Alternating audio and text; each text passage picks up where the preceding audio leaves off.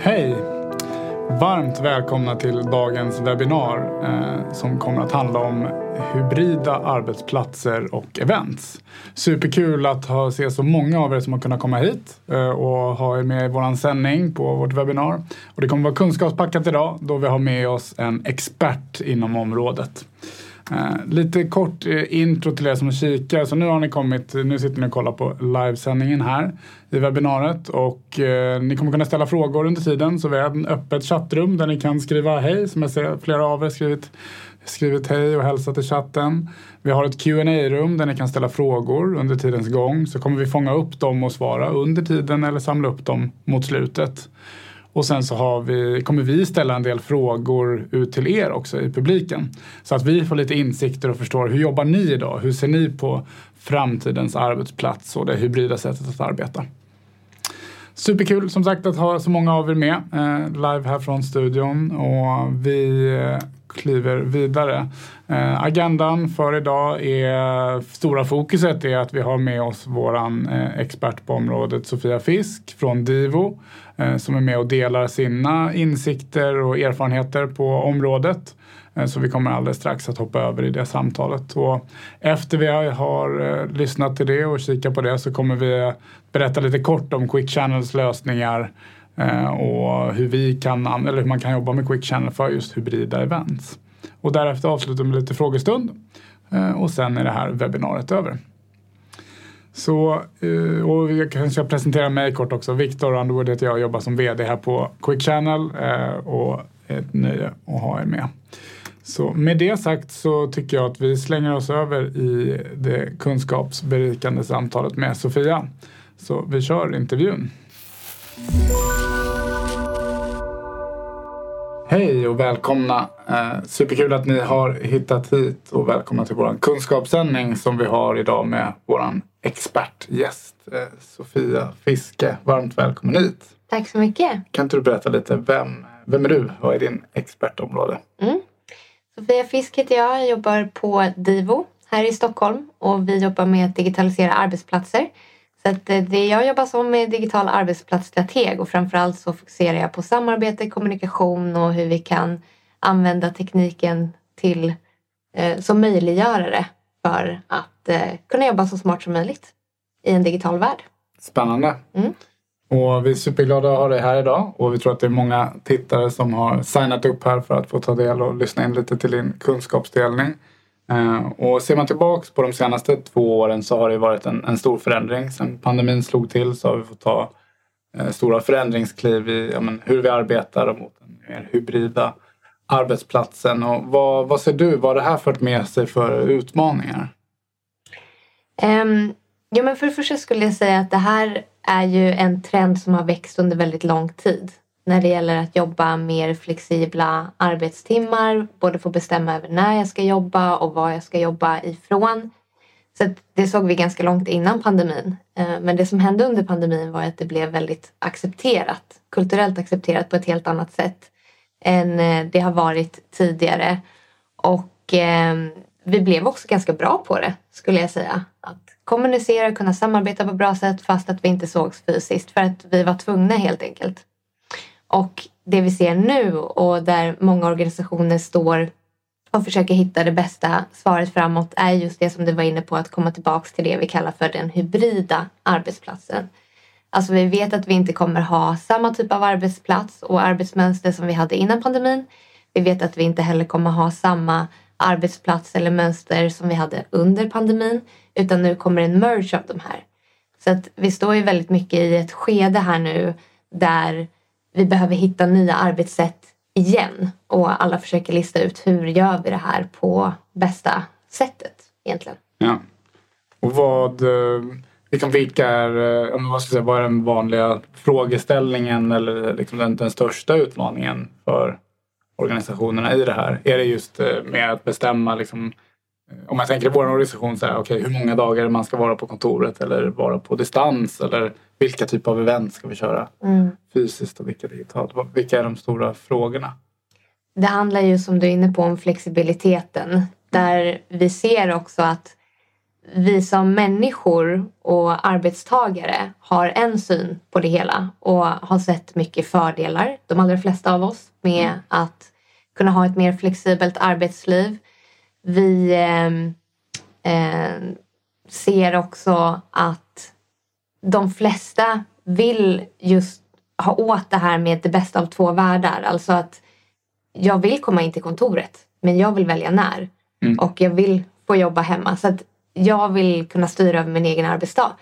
Medan eh, organisationer å andra sidan då har både sett att det gått bra på många sätt att samarbeta och kommunicera på distans men också fått ta del av okay, men vad har faktiskt varit utmanande.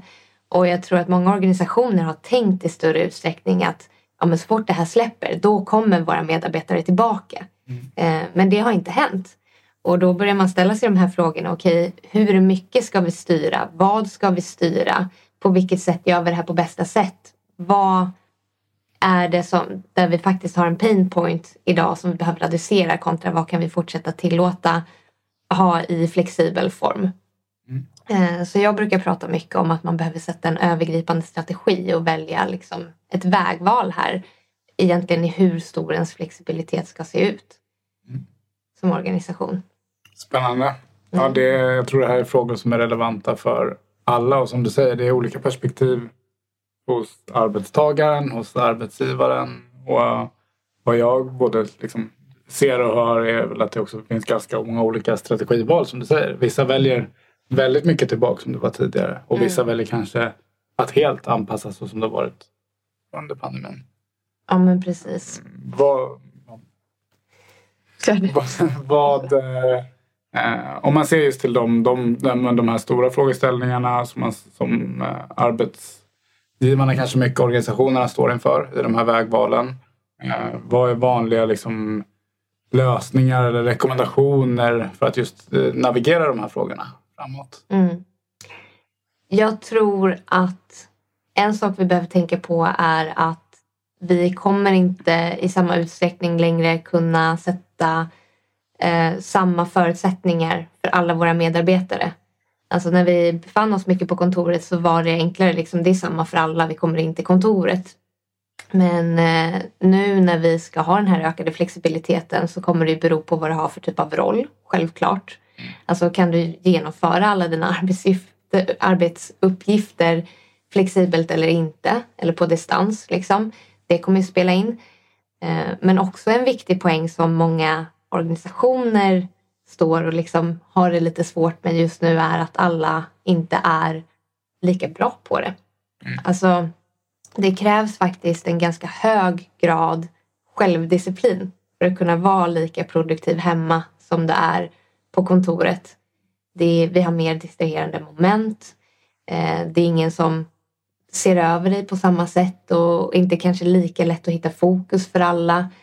Och missförstå mig inte för de allra flesta klarar det hur bra som helst.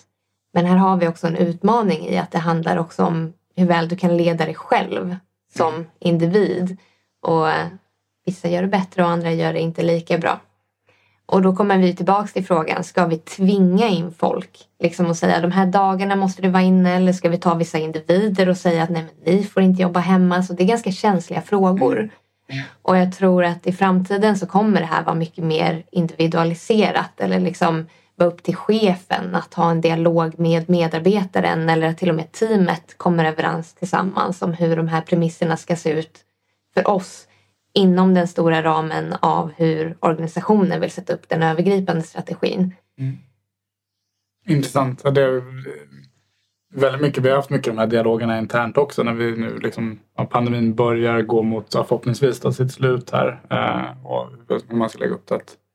Och vi valde väl lite olika för olika typer av team. Alltså, mm. Vissa ställer mer krav på, på uh, samarbete och det här liksom ad hoc samarbetet och diskussionerna medan andra typer av roller kanske ställer än mer krav på att just sitta och, och jobba ostört och då har de olika fördelar att vara inne eller vara, Precis. vara hemma. Och jag tycker eh, tillgänglighet är ett spännande ord här. Att många vittnar om att ja, men jag kan fokusera bättre, jag tycker det går jättebra för mig att vara produktiv. Mm. Men det jag tror få personer tänker på är ju också, okej okay, men vad har jag för typ av roll och hur bidrar den till organisationen i det hela? Och är det viktigt för mig att jag är tillgänglig för mina medarbetare för att de ska kunna göra sitt jobb och så vidare. Så att, och det är precis den typen av interaktion som du var inne på, ad hoc eller liksom den mer spontana interaktionen som blir lidande. Mm. Alltså vi har sett att det har funkat otroligt bra när vi har uppsatta processer i våra projekt. När jag har en tydlig uppgift och vet vilka jag ska samarbeta med. Där funkar det felfritt att, mm. Att samarbeta på, på distans. Men just de här interaktionerna som annars kanske kom i lunchrummet, kanske kom vid kaffemaskinen och där vi möts mer tvärfunktionellt. Eh, att vara tillgänglig där, alltså det är inte lika naturligt i en digital värld att ta kontakt. Eh, och vi är dessutom så himla upptagna så då står vi bara som statusupptagen liksom, i våra digitala miljöer. Eh, så där ser ju organisationen att oj, här tappar vi. Ja. Liksom, Medan individen tycker att det här går smooth sailing. Ja, exakt. Ja, ja, väldigt intressant. Vi har vuxit snabbt under den här perioden också och då har det varit just mycket nyanställda. Mm. Och det är mycket enklare oftast att knacka någon på axeln och säga Du Sofia, hur var det jag skulle göra här igen? Mm. Än att jag ska kontakta min chef på Teams eller på mejlen. Liksom. Precis. Så att de, de där skillnaderna är, är stora också. Där är vi på en annan. Alltså det här med att bygga relationer. Det är mm. fortfarande någonting vi gör bättre IRL än mm. face to face. Eller än eh, på distans menar jag såklart. Ja. ja. Och om man och just inne på det här, relationer, kommunikation. Är det, om man tar gällande just liksom kommunikation. Vad, vad ska man tänka på där? Vad bör organisationerna tänka på där? Jag tror att en av de absolut viktigaste sakerna är att vi inte bara försöker ta det sättet vi kommunicerade när alla var på plats och försöker applicera det i en digital miljö. Utan att man faktiskt förstår att vi har skillnader. Alltså båda alternativ funkar bra men de funkar inte bra på samma sätt. Liksom. Så till exempel så hade vi ju ganska många av oss en osnäll möteskultur i våra organisationer redan innan pandemin och nu har vi ännu fler möten när de är digitala och när alla de här spontana interaktionerna behöver vara ett möte i kalendern. Mm.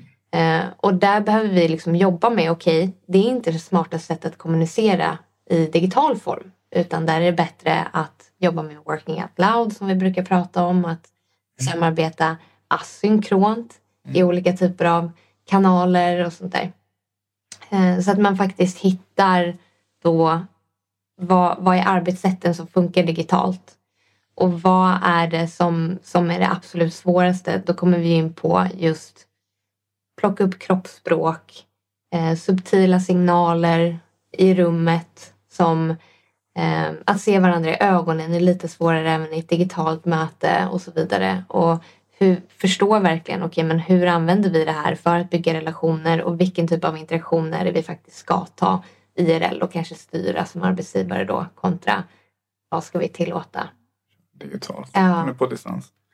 Och det här var working, vad sa du, working? Working out loud. Nej, men, eh, trenden i samarbete är ju att jobba mer öppet och transparent. Mm. Så att egentligen handlar det om att tillgängliggöra information så att när du behöver informationen så finns den där för dig istället för att jobba i stängda forum och behöva dela informationen och sen hamnar den på flera ställen och vi vet inte vilken som gäller. Och, ja, just det. Ja. just det. Ja. Helt med. Där känner jag igen också. Och där, men just alltså dokumentdelning, att man kan samarbeta, ja. jag kan jobba i det och sen jobbar du i det lite senare. Det var det, är det du menar med asynkrona ja. också? Att man Exakt. kan jobba i olika... Precis. Sånt vi gör i Teams och Slack och den typen av produkter. Ja, just det. Ja, spännande. Vad, eh, om man kikar lite på liksom blicka framåt. Nu har vi pratat mycket om vad som har skett de senaste två åren och kanske var eh, Eh, organisationerna och arbetsgivarna och medarbetarna står inför utmaningar idag. Eh, om man lyfter blicken framåt, vad är det för stora, vad, vad ser du för trender? Jag tror att just när vi pratar om kommunikation och arbetsplatsen så är någonting som jag åtminstone hoppas men ändå tror att vi behöver jobba mycket på på kortare sikt. Det här med att få till ett eh, kulturellt och mer tvärfunktionellt samarbete även i digital form.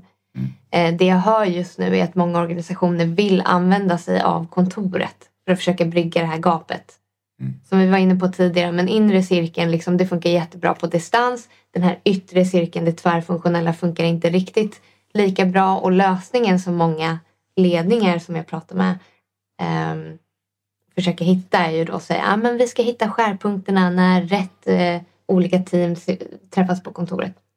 Uh, och det är inte fel. Det är ett bra sätt att jobba med det för att ses är jättepositivt mm. för kulturen och sådär.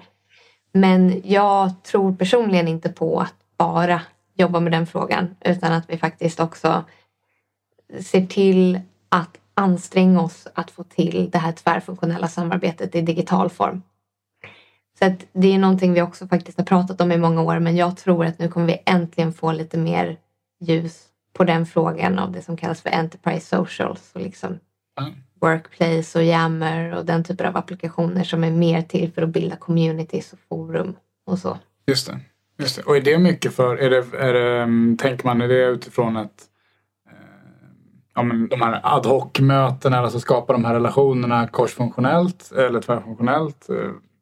Eller är det för att just att man ska jobba liksom mer i projekt och liksom arbetsprojekt tvärfunktionellt? Mm. Eller är det mer det här sociala man vill åt? Ja, en blandning eller liksom ett fjärde alternativ på det du svarar på skulle jag säga. För att det här ad hoc eh, som du är inne på, det löser vi inte på ett jättebra sätt digitalt. Så att även ifall du tar in ett social enterprise eh, applikation och, och försöker få igång communities så tror jag inte att du ska försöka förlita dig på att ah, men nu har vi ju tillgängliggjort den här applikationen, varsågod nu kan ni ha communities.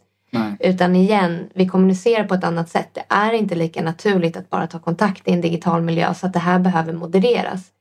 Men det de här communities och saker verkligen kan hjälpa med är det sociala som du var inne på, att vi faktiskt lägger resurser och tid på att driva social kultur i det digitala forumet och att få igång mer tvärfunktionella samarbeten.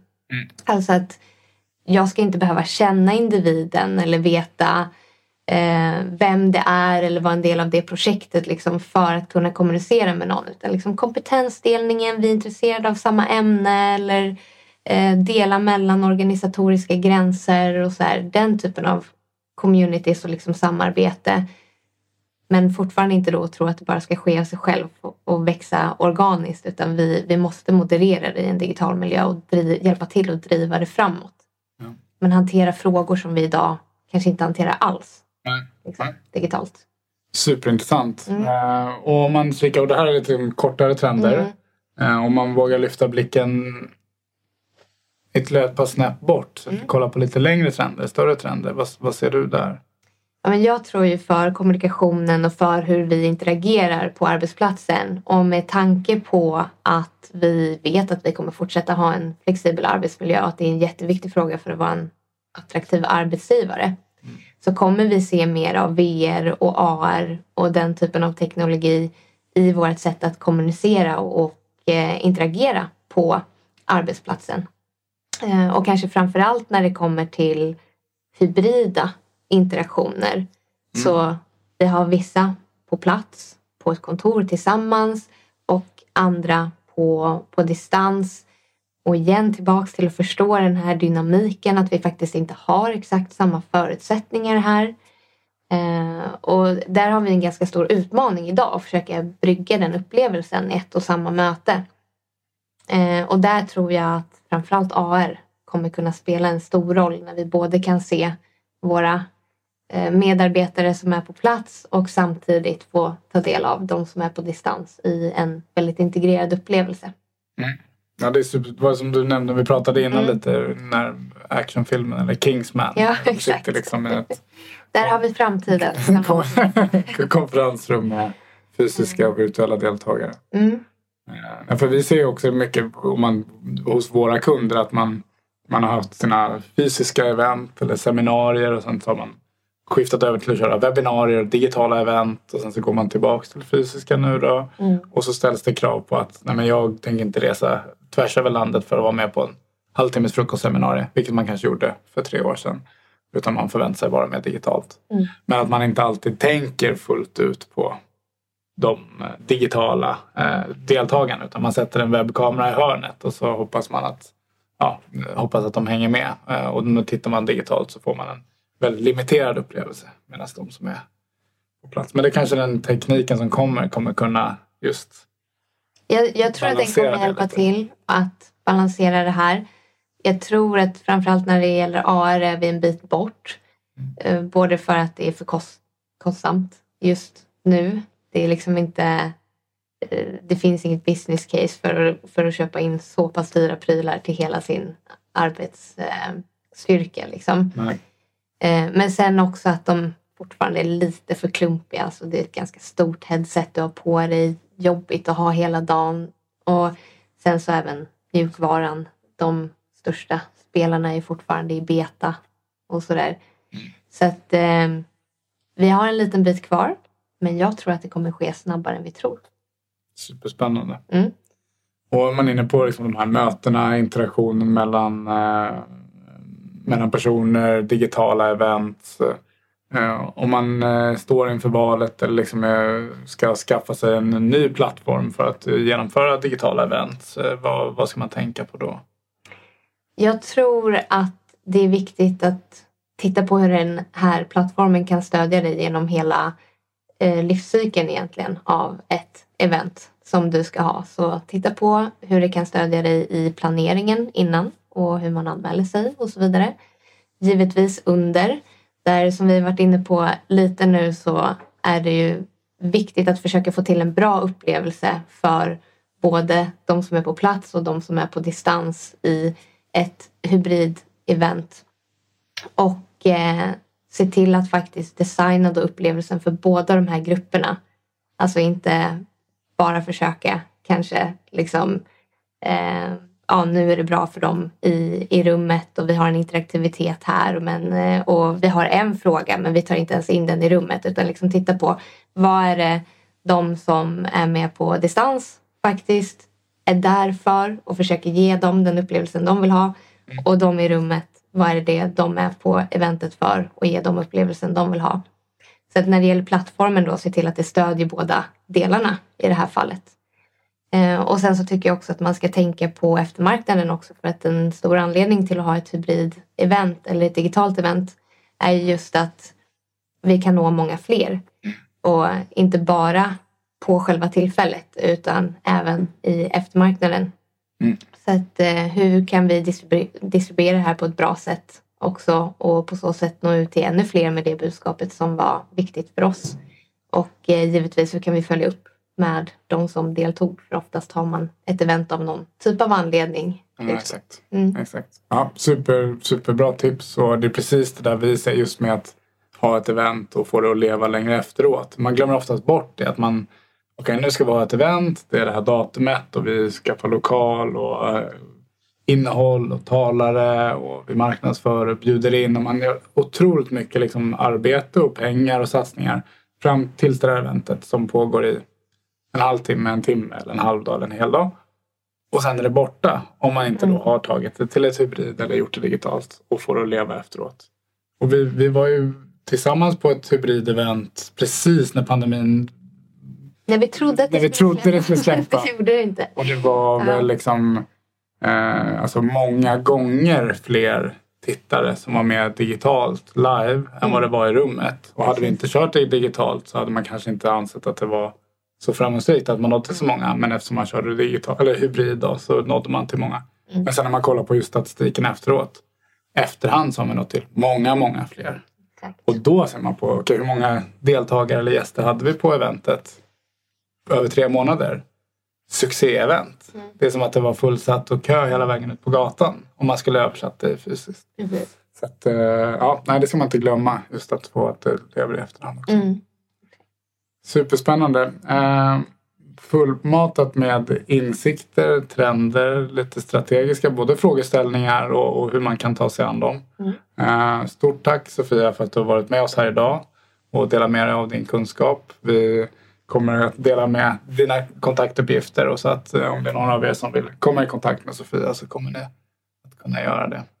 Eh, men vi kommer att hoppa tillbaks in i studion. Så stort tack för att du kom hit idag och var med oss. Tack så mycket. Hej!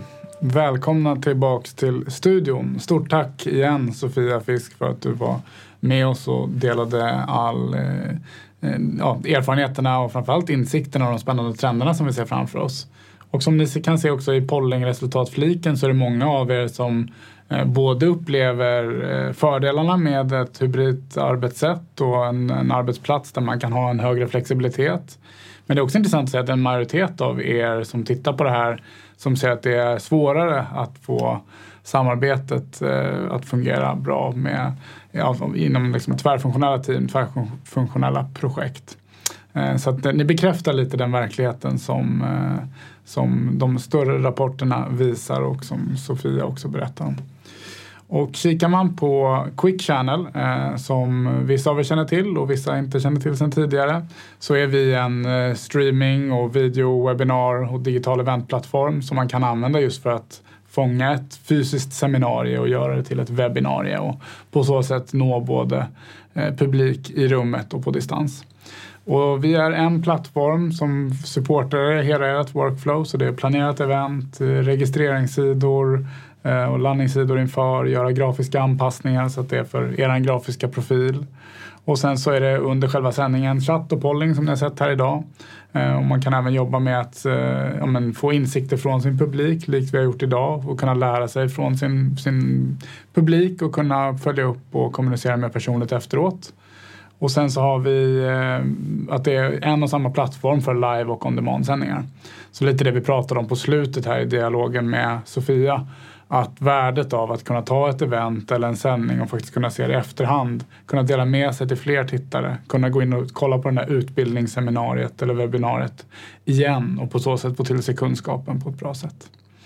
Vi har även möjlighet att kunna få ut statistik, speech to text med AI-lösning och redigera video och sen publicera det i olika playkanaler och liknande. Och vi uppfyller GDPR, tillgänglighetskraven, Eh, som det finns på oss och har liksom Enterprise-säkerhet när det gäller lösningarna. Och vi integrerar också med, med de flesta både studielösningar eller att kunna streama direkt från webbläsaren med presentatörer på distans. Och kollar man på Quick Channel för hybrida event så har vi nyligen släppt en eh, en funktion så att man kan eh, till exempel genom att ha en QR-kod när man kommer till lokalen kunna skanna den för att då få upp en liten webbapp i mobilen där man kan vara med i chatten och svara på pollingfrågorna. Och på så sätt så kan man få göra det lika enkelt för dem i rummet som det är för dem online att kunna ställa frågor. Och man kan göra det lika enkelt för dem i rummet som de online att kunna svara på frågor. Och på så sätt kan man knyta ihop det här så att både interaktiviteten från det digitala och interaktiviteten i det fysiska rummet faktiskt spelar på samma villkor. Eh, och det ger en, en väldigt bra upplevelse vid hybrida evenemang. Så om ni använder Quick Channel idag för endast för streaming så kan ni testa den här funktionen och det är bara att kontakta oss om ni vill få en genomgång eller, eller vart ni hittar den i plattformen. Eh, och en annan fördel är att det är helt webbaserat så det är inga nedladdningar som krävs. Det är vare sig när det gäller de som ska titta på ett webbinar eller de som ska vara med och kunna svara på frågor eller chatt och polling. Så det är lite kort om Quick Channel och hur vi kan supporta er med era hybrida event. Eh, och eh, återigen väldigt kul att se så många som kunde komma in och titta på sändningen. Är det några av er som har några frågor till mig eller till oss eller till Sofia så kör hårt och ställ dem. Vi kan se, Marianne ställde en fråga där vilka eh, eh, hur många företag det är som börjat använda Jammer och vad det finns för, för lösningar. Och Sofia beskriver det som ni kan se att eh, Jammer är populärt och har funnits i många år, långt innan pandemin och nu Workplace är en populär app för frontline workers också inom området. Och det dykt upp en fråga kring hur tittarantalet, jag tog upp det där att vi hade varit, jag och Sofia, vi var på ett event i, eh, ja, när vi trodde pandemin var över eh, och där det var många fler gånger tittare online än de i rummet och sen så ytterligare många fler som kollade i efterhand. Eh, och vi ser att det är normalt för den här typen av event så är det fler tittare i, i efterhand än vad det är live om man ser över en lite längre period. Och det känner säkert många av er igen, eller ni som kanske kollar på den här inspelningen i efterhand så kommer ni kunna se att Eh, ja, ni anmälde er till ett webbinar, ni fick annat BIS att göra i kalendern och sen signade, signade man upp. Man fick länken, man kunde kolla när man hade tid och därefter interagera. Så, men vi hade satt utsatt tid ungefär en halvtimme för det här webbinariet. Så vi ska inte hålla er längre än så. Utan vi hoppas att ni har fått både lite insikter, ny kunskap, eh, lite trendspaningar från Sofia. Och vi vill återigen tacka Sofia Fisk från Divo som var med oss här i våran kunskapssamtal kring hybrida arbetsplatser. Och vi önskar er alla en eh, fortsatt bra sista maj här. Eh, så Eh, ses vi förhoppningsvis på ett framtida webbinar eller ett hybrid-event. Ha det så bra. Hej då!